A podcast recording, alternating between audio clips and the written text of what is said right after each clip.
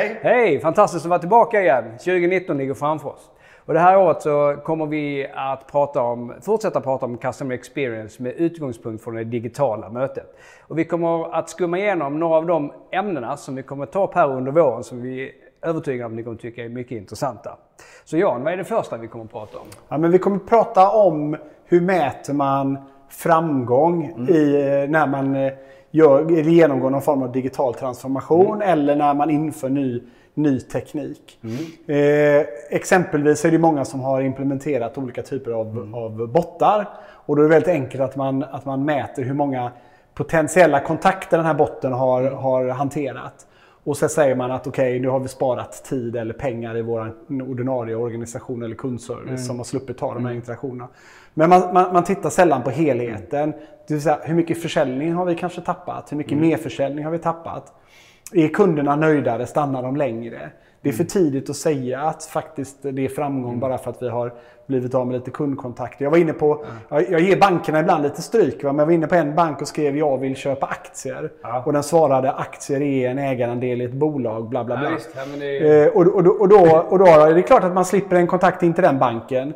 Men man förlorar också potentiellt en, en person som vill investera i aktier. Så det, vi kommer att prata mycket om hur mäter man Risken eh, också att framgång. tappa eh, försäljning med automatisering. Men också får man säga att eh, de traditionella rapportverktygen har blivit tagna lite på, på, på sängen med eh, de här nya med bottar och eh, AI-teknik. Man använder gamla mallar och försöker ställa samman statistik och det, det funkar inte riktigt. Nej. Nej. Så vi kommer att prata om det. Sen så kommer vi att prata om ett annat spännande område som är egentligen eh, eh, AI, AI-baserad routing kan man kalla det för. Eh, och, och ett exempel är att väldigt många mm, företag och organisationer som har en kontakt oss-sida, den är väldigt ofta statisk. Det står ganska mycket information där och oftast visar man alla typer av kanaler som finns tillgängliga. Utan att egentligen eh, ta hänsyn till vad det är för typ av ärende.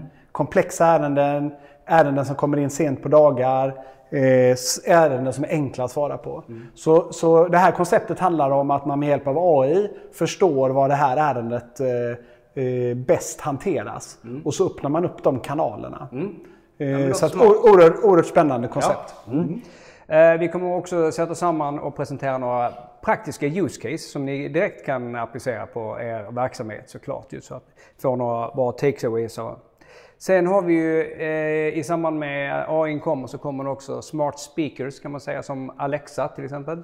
Som eh, innehåller då conversational interface som ger helt nya kanaler in till kundservice. Och hur ska man hantera dessa? Och 2019 tror jag kommer vara året där vi kommer se mycket mer till tillämpning, smarta tillämpningar just av conversational interface. Det har inte bara med voice att göra utan det är även eh, med, med skriven text såklart. Ja. Men det, det kommer slå stort 2019 tror vi.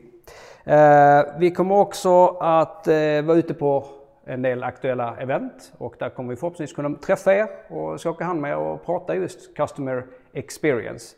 Så vi ser fram emot den här våren. Många intressanta ämnen, många intressanta event. Och vi eh, kommer att släppa ett nytt avsnitt när vi känner att vi har någonting viktigt vi vill säga till er.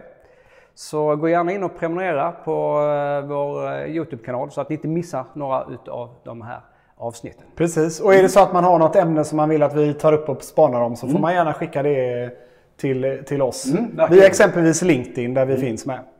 Härligt. Japp, då önskar vi en eh, fortsatt god vecka så ses vi snart igen då. Ja, har det gott. Hej. Hej.